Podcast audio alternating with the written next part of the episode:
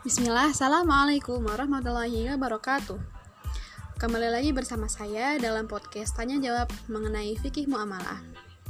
Langsung saja ke pertanyaan ke-6 Bagaimana tinjauan perdata terkait hukum dan akad kontrak dalam transaksi?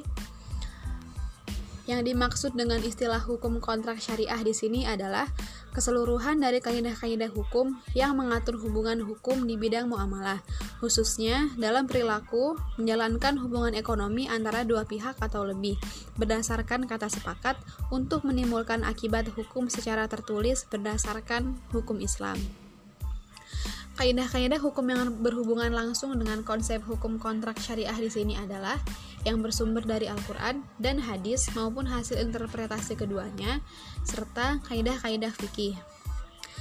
Dalam hal ini dapat digunakan juga kaidah-kaidah hukum yang terkait yang terdapat pada konun, yaitu peraturan perundang-undangan yang telah diundangkan oleh pemerintah, baik pusat maupun daerah, dan jurisprudensi, serta peraturan-peraturan hukum yang tidak bertentangan dengan hukum Islam.